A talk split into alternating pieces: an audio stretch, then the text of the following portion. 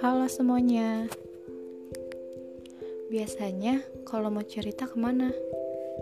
Ke diary yang mulai usang Ke teman dekat Ibu Adik Kakak Atau dipendam sendiri Terus debat sama isi hati dan isi kepala. Ngomongin isi hati sama isi kepala Kayaknya cuma bikin capek ya Mereka kadang terlalu berisik Lebih berisik dari keadaan sekitar Apalagi kalau udah masuk jam-jam malam. Ditambah kalau udah keinget sama masa lalu. Kadang percakapan-percakapan yang udah-udah udah kayak klise film yang berputar gitu aja.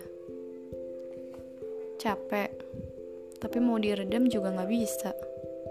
Semakin usaha buat lupa, semakin nempel memorinya. Tahu nggak hal apa yang paling mengerikan? yaitu ingatan yang terlalu kuat. Karena kadang ingatan yang kuat susah buat dikontrol, apalagi dipaksa lupa. Tapi nggak apa-apa, seiring waktu berjalan, manusia bisa kok berdamai sama isi kepala yang terlalu berisik. Entah memang berdamai atau terbiasa karenanya. Susah ya bedainnya. gak apa-apa, Bingung itu manusiawi kok.